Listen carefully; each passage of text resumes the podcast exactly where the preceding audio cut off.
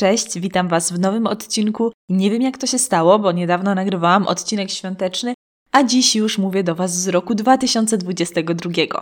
W końcu nadszedł, miejmy nadzieję, że będzie lepszy niż poprzedni. I dzisiaj, oprócz życzenia Wam wszystkiego co najpiękniejsze w nowym roku, opowiem o czymś, co pewnie wielu z nas łączy 1 stycznia, a mianowicie o kacu. Jeśli go macie, to bardzo Wam współczuję. Jeśli nie macie, to bardzo się cieszę. Ale niezależnie od tego, czy pierwszy dzień stycznia spędzacie w łóżku, czy też jakoś bardziej aktywnie, warto dowiedzieć się, co dzieje się w naszym organizmie, kiedy już ten kac nas dopada i, co ważniejsze, co robić, kiedy nad głową lata helikopter, a w ustach jest Sahara.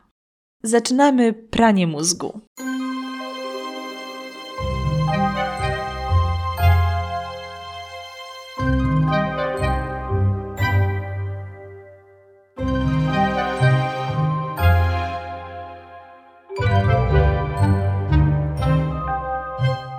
Witajcie w 15 odcinku podcastu Pranie Mózgu. Bardzo mi miło.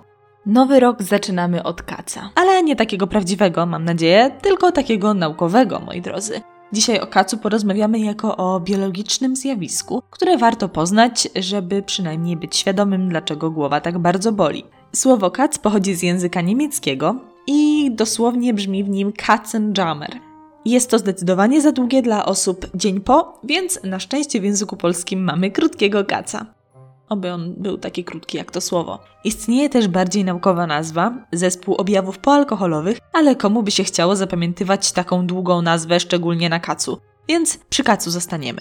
O objawach chyba nie muszę Wam przypominać, bo jeśli nie cierpicie z ich powodu dzisiaj, to jestem przekonana, że większość z nas kiedyś w swoim życiu tego doświadczyła i mniej lub bardziej to pamięta ale to, że znamy objawy kaca, nie oznacza jeszcze, że znamy ich prawdziwą przyczynę, więc moi drodzy, śpieszę z wyjaśnieniem. Jednym ze skutków spożywania alkoholu jest odwodnienie organizmu. Stąd Sahara w ustach dzień po. No ale dlaczego tak się dzieje? Alkohol hamuje uwalnianie wazopresyny, czyli hormonu, który produkowany jest przez podwzgórze i uwalniany z tylnego płata przysadki mózgowej. I właśnie dlatego po każdym piwku wybieracie się na kolejną wycieczkę do toalety. Zadaniem wazopresyny normalnie jest informowanie nerek, że stop, zatrzymajmy trochę wody, nie uwalniajmy jej wszystkiej na zewnątrz, bo później nam jej braknie. No ale skoro wazopresyny jest za mało, to oddawanie moczu jest zwiększone, a utrata płynów nadmierna. No i tutaj do odwodnienia droga prosta, a oprócz Sahary w ustach, skutkami tego będą także zwiększone pragnienie, zmęczenie i ból głowy. Kolejna rzecz to sen. Pewnie wielu z Was zdarzyło się być na imprezie, na której jakiś uczestnik lub uczestniczka słodko zasnęli na stole. Albo może sami doświadczyliście sytuacji, gdy po całonocnej imprezie o godzinie 9.30 obudziliście się gotowi na nowy dzień. Wasz mózg z jakiegoś powodu nie chciał spać, ale wasze ciało nadal krzyczało weźmy do łóżka. No cóż, być może ludzie po alkoholu zasypiają szybciej, ale niestety sen wcale nie jest bardziej efektywny, no i zwykle budzimy się wcześniej. A jak wiadomo, później chodzimy przez cały dzień z podkrążonymi oczami, wyglądając jak zombie, a nasza produktywność graniczy z zerem. A teraz spójrzmy w głąb naszego organizmu, co się dzieje wewnątrz. Alkohol, który dostaje się do naszego przewodu pokarmowego, dość szybko jest wchłaniany i rozpoczyna się to już w jamie ustnej. W ciągu 15 minut 50% spożytej dawki alkoholu zostaje wchłonięte, no a później robi się go tylko więcej. Trafia oczywiście do krwi, ale metabolizowany jest w wątrobie, czyli organie, który radzi sobie, a przynajmniej próbuje e, poradzić sobie ze wszystkimi truciznami, które trafiają do naszego organizmu, a alkohol, jak wiemy, trucizną jest. Część alkoholu wydalana jest z moczem lub wydychana przez drogi oddechowe, ale nie liczcie, że dzięki temu wytrzeźwiejecie. Niestety, moi drodzy, to nie wystarczy. No więc wracamy do wątroby. Do rozłożenia alkoholu potrzebna jest duża ilość energii, a więc spada nam poziom glukozy we krwi i tutaj wzrasta nam ciśnienie krwi albo pojawia się drżenie rąk czy zawroty głowy. No i oczywiście głód. Gastrofaza nie jest jakimś tam wymyślonym mitem. Ale wracamy do wątroby. A tam alkohol jest metabolizowany i powstaje aldehyd octowy. Niestety, moi drodzy, ta substancja jest od 10 do 30 razy bardziej toksyczna niż alkohol. Organami, które są najbardziej narażone na jej działanie, jest oczywiście wątroba i mózg. O wpływie alkoholu na mózg mówiłam już w pierwszym odcinku tego podcastu, kiedy opisywałam zespół Korsakowa, konfabulację i skutki niedoboru witaminy B1, której wchłanianie jest upośledzone właśnie u osób, które nadużywają alkoholu. Ale to niestety nie jedyne skutki negatywnego wpływu alkoholu na mózg. Uwaga, słuchajcie. Przez dziesięciolecia naukowcy wierzyli, że liczba komórek mózgowych u osób dorosłych nie zmienia się. Jest ustalona we wczesnym dzieciństwie i nie ma siły, żeby powstały w mózgu nowe komórki. Ale w latach 60. odkryto, że nawet w dorosłości w naszym mózgu powstają nowe neurony w procesie nazywanym neurogenezą. Tak więc hura, nowe komórki w naszym mózgu mogą powstawać, ale niestety duże dawki alkoholu powodują zahamowanie wzrostu tych nowych komórek, a zdaniem naukowców także długotrwałe deficyty w innych obszarach mózgu, m.in. hipokampie, czyli tej strukturze kontrolującej m.in. naszą pamięć. A skoro już jest tak smutno, to mam kolejną negatywną informację, tym razem dla pań. Wszystko wskazuje na to, że kobiety są bardziej podatne na negatywny wpływ alkoholu na mózg.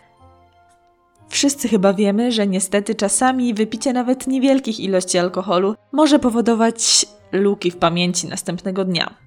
I kiedy zapytano mężczyzn i kobiety o ich doświadczenia związane z lukami w pamięci po spożywaniu alkoholu, okazało się, że mężczyźni, którzy pili więcej i częściej niż kobiety, tak samo często przyznawali się do utraty świadomości.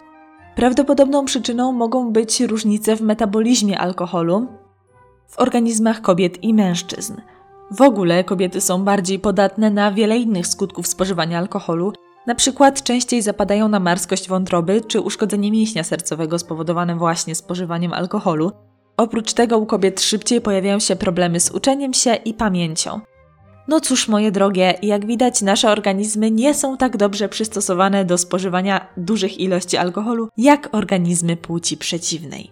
Istnieje jednak promyczek nadziei, że dalsze badania przyniosą nowe odkrycia w tym temacie, bo jak dotąd kobietom alkoholiczkom nie poświęcano tak dużo uwagi jak mężczyznom. Teraz uwaga, czeka Was wielkie rozczarowanie. Być może kiedyś tego doświadczyliście. Jeśli nie, to ostrzegam. Podczas spożywania alkoholu często, szczególnie w początkowej fazie, towarzyszy nam uczucie takiego zrelaksowania, spokoju, wprowadza nas to w jakiś taki dobry nastrój, ale niestety mózg szybko dostosowuje się do tych bardzo pozytywnych efektów i wraca do stanu równowagi, powiedzmy, w wyniku czego, gdy już to działanie euforyczne zniknie, możemy odczuwać nawet większy niepokój czy negatywne emocje niż przed spożyciem alkoholu. To oznacza, że alkohol może nie być najlepszym sposobem na rozstanie, złamane serce albo niezdany egzamin. Ogólnie mówiąc, długotrwałe picie alkoholu, szczególnie w dużych ilościach, może prowadzić do kurczenia się mózgu i pojawiania się deficytów w istocie szarej i w istocie białej. Oprócz tego alkohol ma negatywny wpływ na rozwój płodu, prowadząc do pojawienia się płodowego zespołu alkoholowego, w skrócie FAS, dlatego jest bezwzględnie zabroniony dla kobiet w ciąży, bo nie ma minimalnej dawki, która byłaby bezpieczna. Tak więc alkoholu unikamy, no ale jak już się nie udaje i faktycznie wypiliśmy, może nawet trochę za dużo, to coś z tym trzeba zrobić. Pierwszym pytaniem, które pewnie pojawia się w naszych głowach jest, jak długo to potrwa?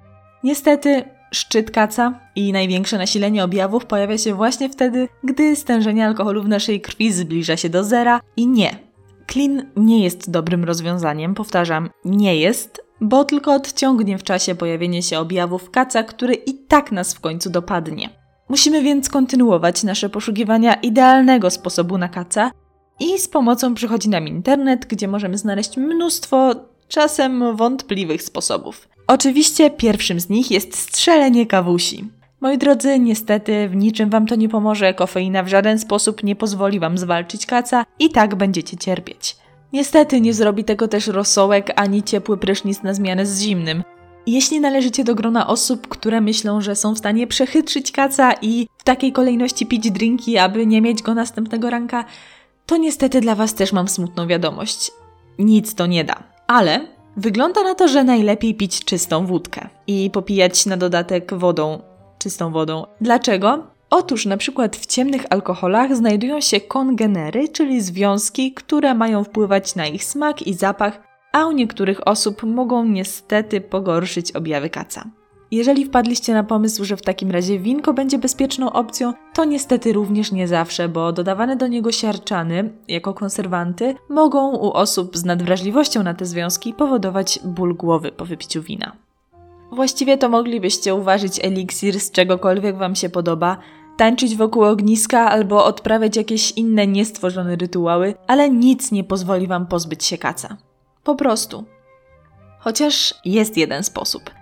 Nie wiem, czy wszystkim z Was przypadnie do gustu, ale jest i to jest sprawdzony, więc Wam o nim powiem.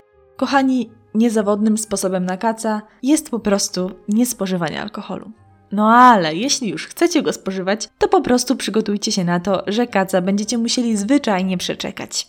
Tym smutnym akcentem kończymy dzisiejszy odcinek. Mam nadzieję, że troszkę umiliłam Wam pierwszy noworoczny wieczór.